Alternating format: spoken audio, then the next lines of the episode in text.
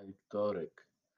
Kdo izmed nas še ni doživel smrti svojih najbližjih in globoke praznine in žalosti, ki jo to pusti v našem srcu? solza, stiske ob tem. No, in, danes nas Jezus v evangeliju,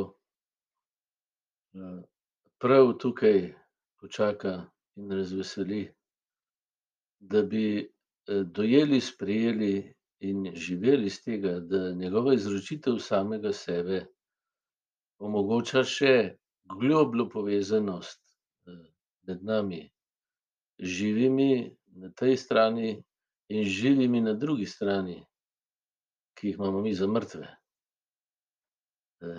Jezus namreč tik pred svojim trpljenjem in smrtjo učencem, ki so žalostni ob tem, pa nočejo slišati, kar jim pove, pravi: "Zdaj odhajam k njemu, ki me je poslal, in nihče izmed vas me ne sprašuje," pa tako naprej. Potem je pa žalost napolnila njihovo srce. Potem pa pravi Jezus: "Dobro je, da grem, ker ko bom šel, se pravi, ko se vam bom podaril, ko bom svoje življenje dopolnil, to, kar mi je oče dal, da vam dam, ko bom to izvršil, uresničil, potem, boste vi lahko živeli z veselja svetega duha, da smo zdaj v resnici globlje povezani, da nas tudi smrt ne more ločiti. Ker ko se ti nekomu izročiš, si ti v njem in on v tebi. In to je, temeljni princip življenja, božjega življenja. Bog je zame, jaz sem lahko zanj, takrat sem živ. In to Jezus izpolni, uresniči tudi zame. Ločitev ob smrti je torej navidezna.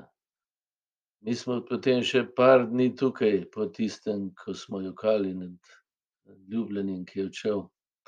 Potem pa tudi mi pridemo in doživimo to polnost svetega duha, ki ga Jezus lahko da potem, ko je podaril sebe, ko se je pustil prepričati, pretepsti, ubiti in, ga je božja ljubezen oživila, se pravi, da je povabila čez v to, kar je Bog, življenje.